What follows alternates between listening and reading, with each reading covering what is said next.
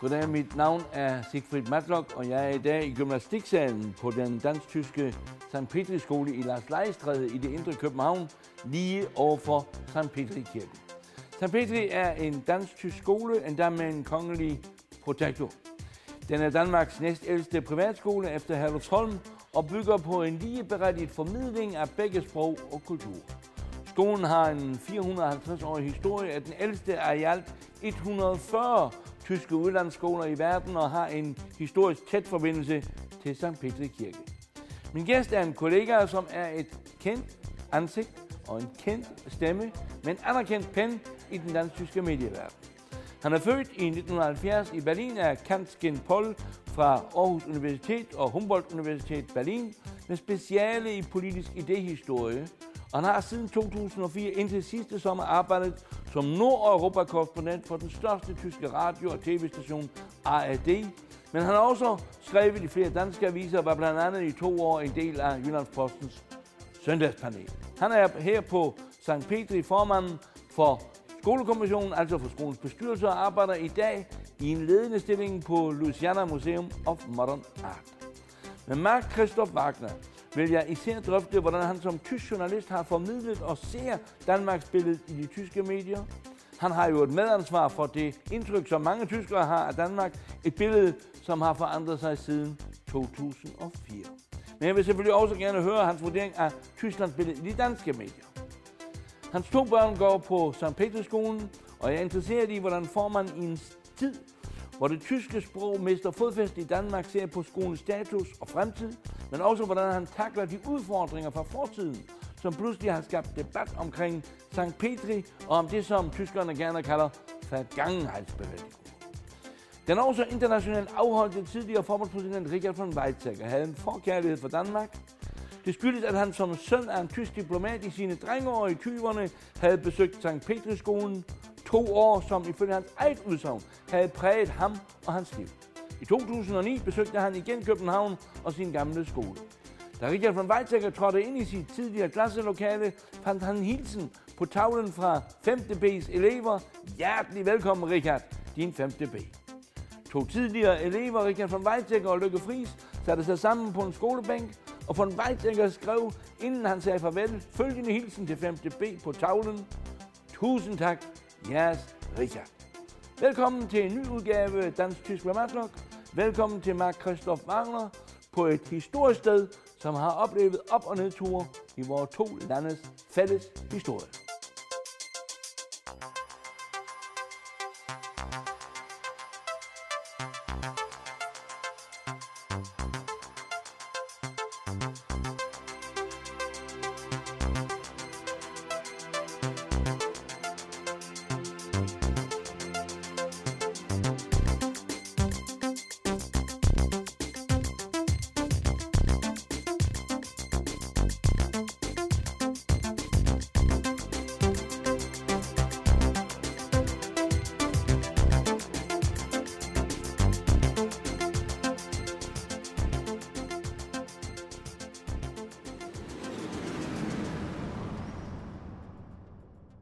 Mark Christoph Wagner, øh, du er født i, i Berlin, i Vestberlin i 1970, mm. og så kom du til Danmark i 2000, i slutningen af 2003. Hvad var grunden til, at du skiftede fra øh, Berlin øh, til København? Der er en forhistorie. Jeg gik i gymnasiet i Berlin, øh, og i 3.G, der mødte jeg en dansk pige, som var min første kontakt til Danmark.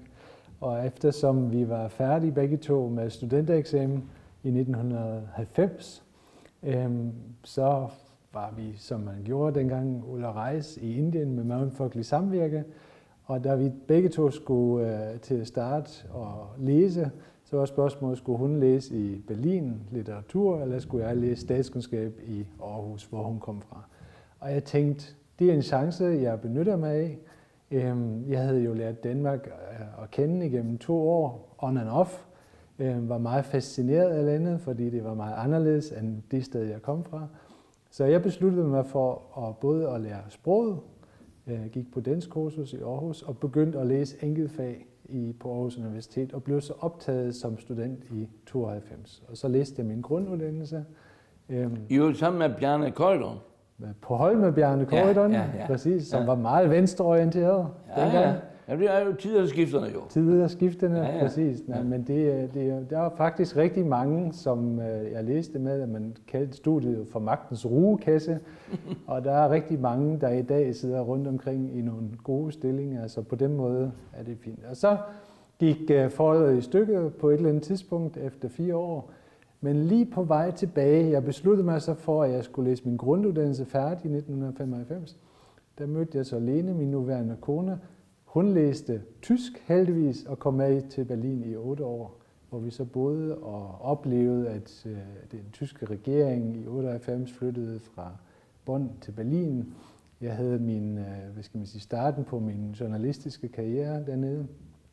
Og så i 2003, i slutningen af 2003, der besluttede vi os for at flytte tilbage, og så har så været her siden. Så jeg oplevede Danmark af to omgange, kan man sige fra 91 til 95 øh, i Aarhus, og så siden 2003 her i København.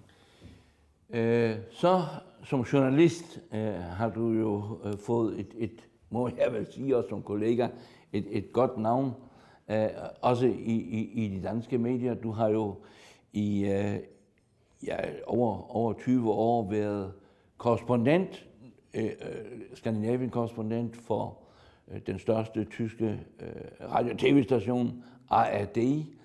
Øh, nu har du jo som sagt to omgange frem og tilbage. Øh, hvad indtryk havde du af Danmark, da du startede som journalist, og hvordan har dette Danmarks billede, som jo øh, tegnes ganske afgørende, for eksempel af ARD øh, i de tyske medierne, hvordan har Danmark udviklet sig sidenhen? Jeg ved, du er øh, stoppet øh, øh, til sommer som, som korrespondent, men alligevel, det billede har jo forandret sig. Hvordan er din vurdering? Jamen, øh, som sagt, jeg har jo oplevet Danmark af to omgange øh, som ung student fra 91 ja. til 95. Øh, og en af grundene til, at jeg både valgte Danmark i sin tid som studiested, men også vendte tilbage, øh, som, hvor min kone selvfølgelig spillede en meget stor rolle, men vi var jo ikke vendt tilbage, hvis ikke der var noget at rejse efter. Så jeg har altid haft en grundlæggende fascination af landet, netop fordi, at Danmark på mange områder er helt anderledes end det tyske samfund, jeg kommer fra. Altså for at nævne en ting, skattemoralen. Det, at øh, man har et helt andet forhold til staten, hvor vi i Tyskland er jo lidt skeptiske så har man i Danmark et CPR-nummer osv. Så mange ting, som vi tager for givet i Tyskland, er helt anderledes her. Så der, jeg vil sige, jeg vil egentlig starte med at sige, at jeg har altid haft og har stadigvæk en grundlæggende fascination, og jeg vil også sige, at Danmark har gjort mig til et andet og et meget rundere menneske.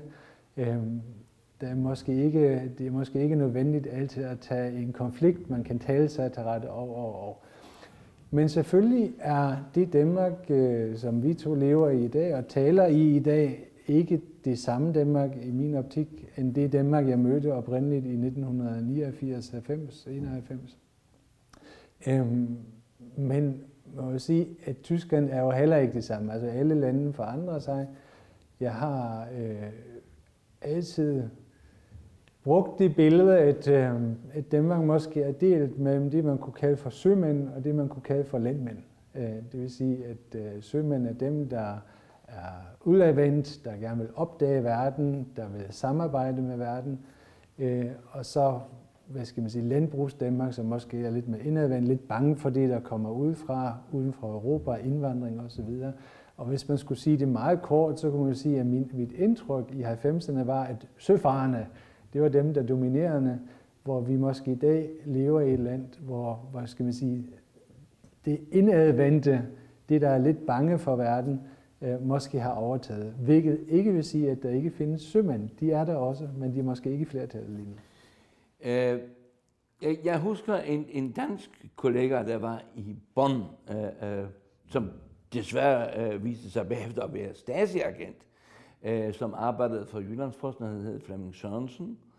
Øh, han fortalte en gang en historie, at når han ringede dengang i 60'erne og 70'erne øh, til hovedredaktionen i Viby i Aarhus, øh, kort før deadline, så blev der altid spurgt, har det noget med nazisme at gøre, så har det interesse, ellers ikke. Mm-hmm. Så spørger jeg, at det er sådan omvendt i dag, at, at det, der interesserer i Tyskland, specielt omkring Danmark, og, og der er jo stadigvæk en meget, meget stor sympati for Danmark. Alligevel er billedet kalkuleret på visse områder. Det, der interesserer uh, øh, i, i Tyskland og øh, får meget fokus, er jo netop, net, netop den der udlændingepolitik. Altså det land, som i og for sig stod som inkarnationen på tolerance, virker pludselig, jeg siger det lidt groft, i visse tyske medier som intolerant. Ja, både og. Altså, det er jo ikke den eneste historie, der kommer fra Danmark. Altså, hvis jeg skal se tilbage på de indslag, vi har lavet, så må jeg sige, at, øh, at de her analyser af udlændingepolitikken, måske også krigene i starten af nullerne, Irak-krigen, Afghanistan osv., altså, det er jo til de interesserede få, mens hvis vi for eksempel berettede om dronningens fødselsdag eller et eller andet, så var det et program, som havde 12-15 millioner øh, ser. Ja. Så jeg vil sige, at man skal differentiere, og der er jo rigtig mange historier. Jeg ville jo ikke have kunne leve her som journalist, hvis det kun var udlændingepolitikken, jeg skulle have berettet om. Så der er rigtig mange, øh, hvad skal man sige, historier, positive eksempler, på et eller andet tidspunkt flexicurity, børnepasning, altså arbejdsmarkedet, arbejdsmarked, ja, ja, ja. miljøpolitik op til topmøder osv. Ja, ja. Så jeg vil sige, at der har været rigtig mange historier, positive historier, som, som vi har berettet om, som man stadigvæk beretter om. Øhm, men det er klart, at øh, udlændingepolitikken har fyldt en del på mange måder, kan man jo også sige, hvis man vil bruge det udtryk, så har Danmark der jo været et fremgangsland, må man sige også Dansk Folkeparti som parti. Hvis man skal bare se det neutralt, ikke dømmende, øh, så er de jo enormt dygtige øh, til at kommunikere deres budskab. De har opnået 20 procent ved sidste folketingsvalg, øh, og har jo etableret sig som et parti i det danske folketing, som alle andre tager seriøst. Hvis du så kigger rundt omkring i Europa, øh, lignende partier har jo ikke opnået samme status. Så hvis man bare skal sige det neutralt, så har Danmark også der en interessant historie at fortælle. Om vi så bryder os om deres holdninger eller ej, det er noget andet. Som, jeg vil bare lige sige, ja. som journalist er det jo vigtigt, og det har jeg egentlig altid set som min, som min opgave, det er, i stedet for at man starter med et dømme forskelle, så er det interessante at prøve at forstå forskellene. Bedømme forskellene. Ja, men også at mm. forstå okay. forskellene. Mm. Mm. Forstå på den måde, at vi jo lever i et Europa, som heldigvis er forskelligt. Så hvis man nu i Danmark, lad os blive ved udlændingepolitikken, møder den her bramfrie tone, Pia Persgaard siger det til mig, øh, her i Danmark diskuterer vi uden tabuer, øh, så er det selvfølgelig meget anderledes i forhold til det, vi kommer fra, hvor vi har en historie, øh, som gør, at vi, vi måske taler lidt mere i nuancer og ikke så hvad skal man sige, stigmatiserende over for befolkningens bramfrit. Ja, ja. Øhm, og selvfølgelig har jeg som privatperson en holdning til den slags ting. Jeg synes, der er rigtig mange gode ting om den tyske tone. Men jeg har som korrespondent altid forsøgt at forstå, hvad der gør, at tingene er, som de er. Og der må man jo sige, at historien her i Danmark spiller en mindre rolle. Jeg plejer at sige, at danskerne lever i en evig nutid. Øhm, så jeg vil sige, at i stedet for, at man starter med at bedømme og dømme andre, så er det interessante hvad vores øh, arbejde som journalist er jo at formidle forskellen. Og det har jeg prøvet sådan set altid øh, bestræbt mig på. Og så en gang imellem som borger i det her land, har jeg så, så selvfølgelig også sagt min mening.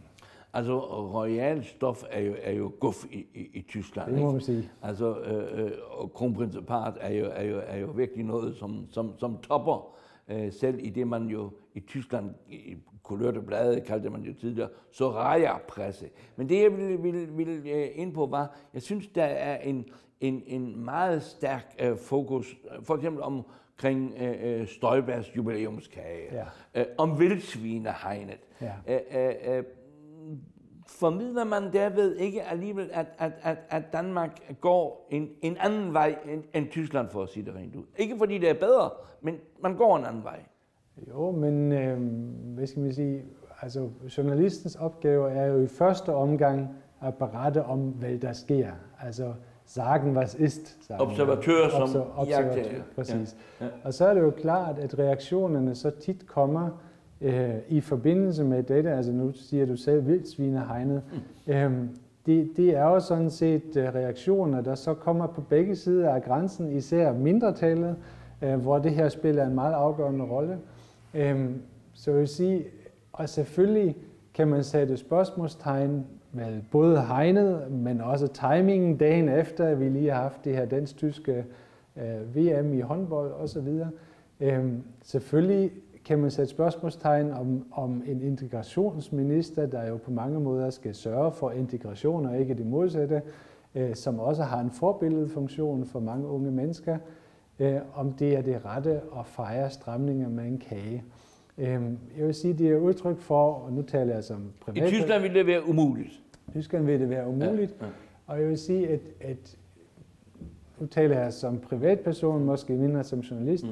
at hvis man man kunne jo godt få den fornemmelse i den danske udlændingedebat, at al den her snak om integration, eller det manglende integration, øh, egentlig ikke har til sigte netop at opnå integration, men at holde pladen i k. Altså forestil dig, hvis ikke der var udlændingepolitik i dansk politik, nu tænker jeg ikke som europæisk øh, hvad skal man sige, øh, observatør, men hvis det emne ikke fandtes i dansk politik, hvad var der så mere at tale om op til folketingsvalg? Altså, der er jo rigtig mange kræfter, der har en interesse i at holde pladen i ko. Øhm, hvor jeg har den holdning, hvis der er udfordringer, og det er der givetvis i alle vores lande, øhm, så må man jo løse problemerne. Og det jo siger jo sig selv, at vi stiller krav til hinanden. Det gør vi også som skatteborgere osv. Selvfølgelig kan vi godt stille krav til udlændinge. Øhm, selvfølgelig skal udlændinge, ligesom alle andre, overholde grundloven, men skal vi nu opgive vores egne værdier? Skal vi begynde at lave lovgivning om påklædning osv., hvad vi serverer i børneinstitutioner? Er det ikke god dansk skik, at man armslængdeprincippet som stikord, at institutionerne selv finder ud af, om de serverer frikadeller eller Svinekød. Noget, noget andet. Mark Christoph, øh, nu har vi diskuteret øh, øh, Danmarks billede. Hvordan vurderer du som tysk journalist i Danmark Tysklands billede? Ikke fordi du skal sidde som, som overdommer over for, over for korrespondenterne i Berlin, men, men en gang imellem har man indtrykket af, at det, der sker i Tyskland, og det er jo ikke helt uvæsentligt for Danmark, ikke helt for den placering, som for eksempel øh, øh, en, en verden ifølge Trump, eller Brexit, eller også Sverige.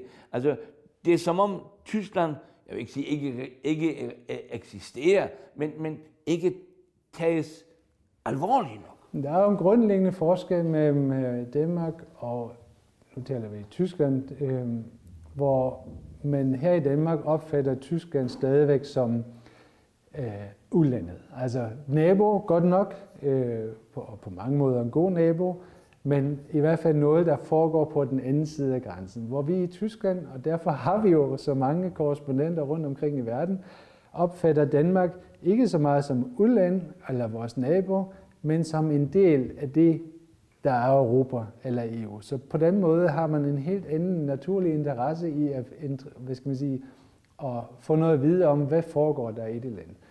Og der vil jeg sige, at det giver dig ret i, at da jeg kom i 2003, der vil jeg sige, at opmærksomheden rettet mod Tyskland var ikke så stor. Jeg vil så stadig sige, altså, jeg har aldrig haft problemer med at være tysk i Danmark, og hvis man læser Knud Romers historie for eksempel, så har tiderne jo forandret sig, og jeg har aldrig hørt noget om krigen osv. Så, videre. så altså sagt øh, ganske kort, jeg har aldrig blevet udstillet eller diskrimineret, fordi jeg har haft tysk baggrund. Så der var sket rigtig meget.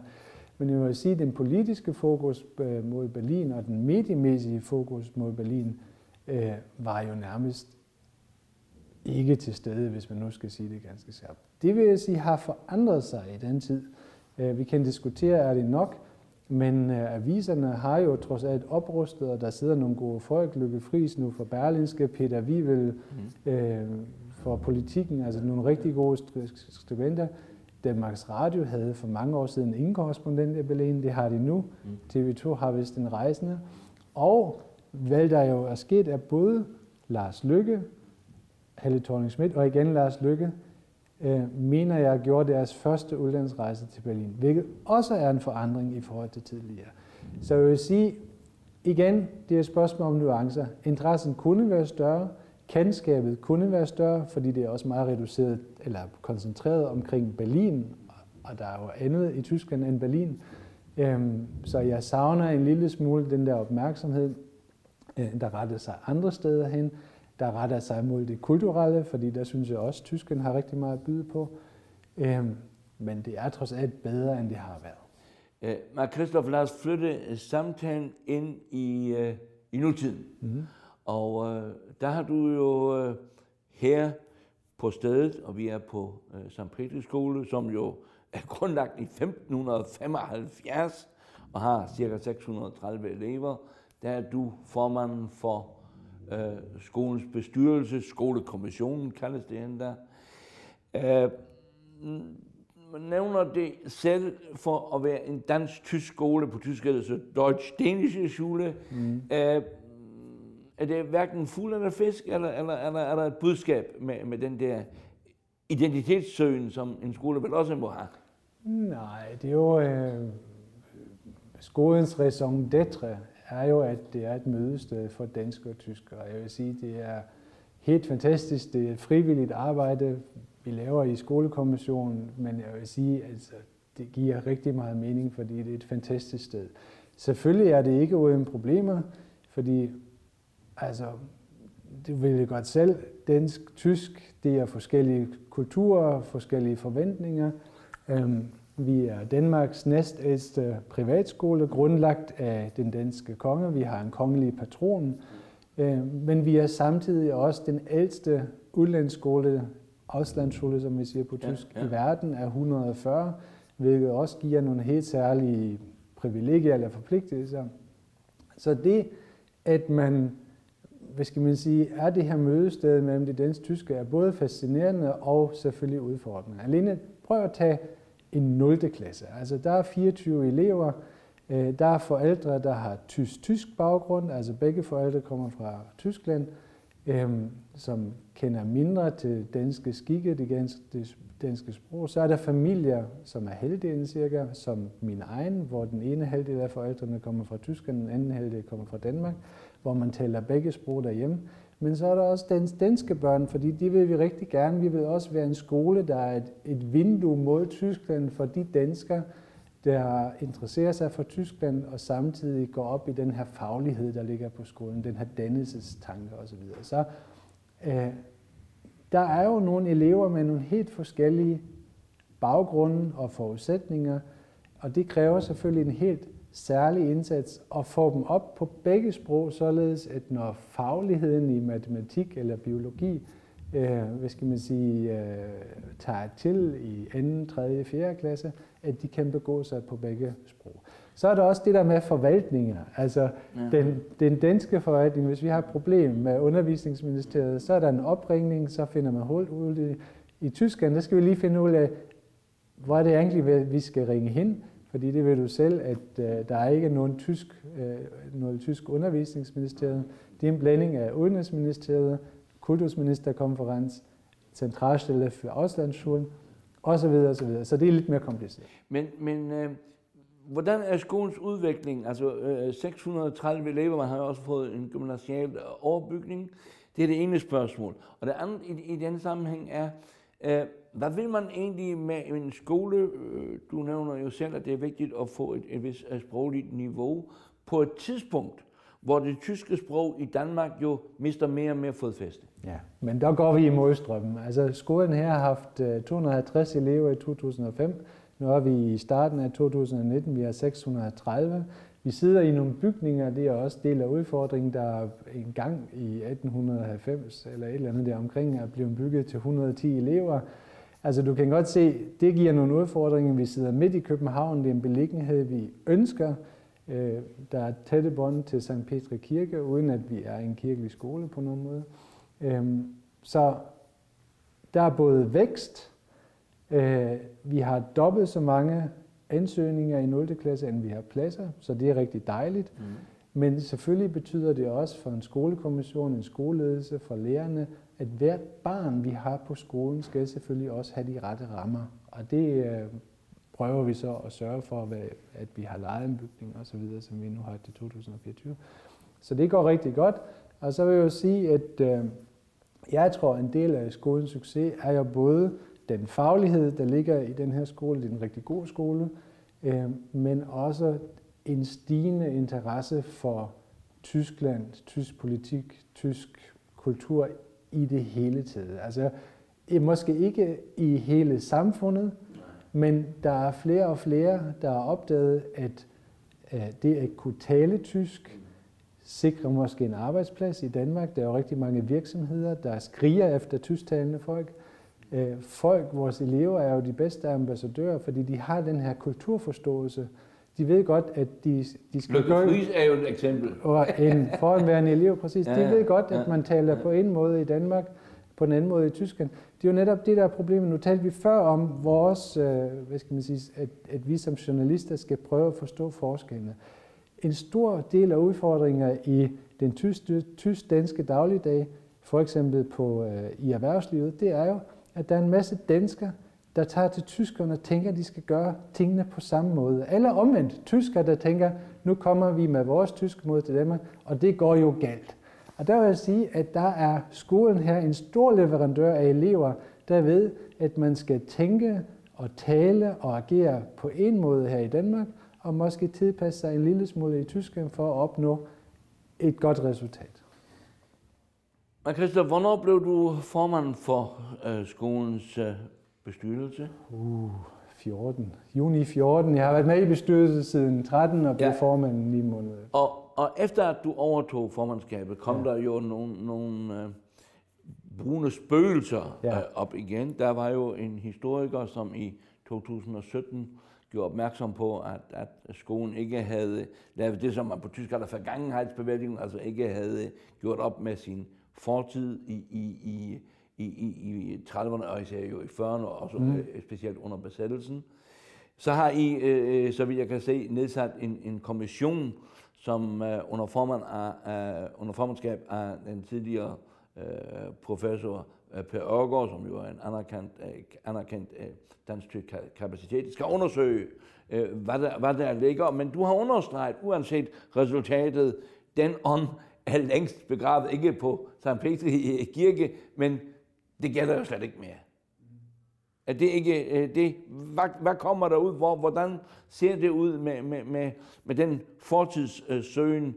Øh, øh, er det en belastning for, for skolen som sådan? Tværtimod. Jeg har været rigtig glad for den kritik, der er blevet rejst af Ole Brandenborg. Øhm, ja, jeg, øh, jeg tror ikke, at det er, hvad skal man sige, et helhedsbillede, altså det er et indlæg, men det har jo gjort os opmærksom på i skolekommissioner på skolen, at øh, vi har en historisk skrivning, øh, og du har selv været inde på, at vi er en gammel institution, født i, eller grundlagt i 1575. Mm.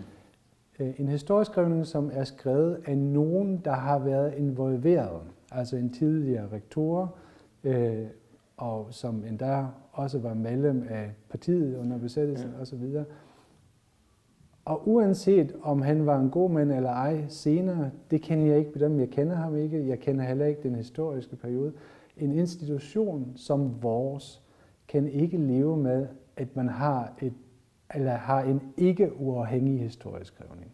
Så på den måde har vi det var selvfølgelig ikke det første, vi gjorde i skolekommissionen, fordi vi er jo trods alt en, en, en hvad skal man sige, bestyrelse, fordi vi vil prøve at få andre dagligdagen, for de gør børn at gå på skolen.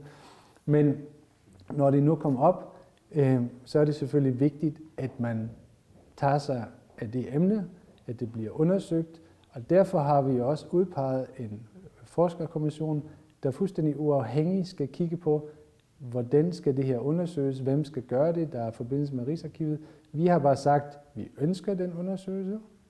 Det bliver publiceret. Alle, alle øh, kommende elever skal få den bog øh, med i gave, når de engang laver deres afgang her. Øh, den skal være uafhængig, den skal være, videnskabelig i orden, og den skal finansieres ved eksterne fonde. Altså vi kan ikke benytte statstilskud eller skolepenge til at gøre det. Og det er vi i gang med. Øhm, og så øhm, håber vi, der i 2021 eller 2022 ligger en bog, som belyser den historie, ohne Wenn und Aber. Og som selvfølgelig peger, peger fremad, øh, fordi det, det er jo grundlaget også for dit eget arbejde. Det aller sidste spørgsmål til dig, Mark Christoph, er et, et personligt spørgsmål. Øh, du kommer fra Berlin, ich bin ein Berliner, ja. du blevet en dansk-tysk produkt. Og der er jo nogle danskere, som talte vi meget om udlændinge og sådan men der er nogle danskere, som jo synes, du er sgu en venlig fyr, og, og, og du kunne egentlig det håber, en, ja. du kunne være en af vores egne. Det er jo altid sådan en kompliment i virkeligheden for enhver uh, tysker. Og, og nogen har så spurgt dig, vil du ikke være dansk statsborger? Og så har du uh, sagt, nej det vil jeg ikke, fordi jeg fastholder min tyske statsborgerskab, og dermed også min, i virkeligheden jo også min tysk identitet. Hvorfor vil du ikke modtage sådan en, en fin gave fra, fra danskerne og danskheden? Jamen, øh, jeg ved, om jeg ikke vil modtage det. Jeg, jeg kan egentlig ikke forstå spørgsmålet. Og grunden øh, øh, til, at jeg reagerede i sin tid, det var jo, at øh, Søren Pind, som jeg i øvrigt holder rigtig meget af, sagde, at alle udlændinge skulle assimilere sig for at bo i Danmark. Der tænker jeg, hvor er vi henne i Europa, at jeg som, hvad skal man sige, tysker, der har lært sproget, betaler sit skat osv., ikke kan bo i Danmark, uden at jeg skulle blive dansk statsborger. Og så har jeg grundlæggende den holdning, at øh, jeg er jo rundet af et sprog og en herkomst, en historie, som netop er tysk og ikke dansk.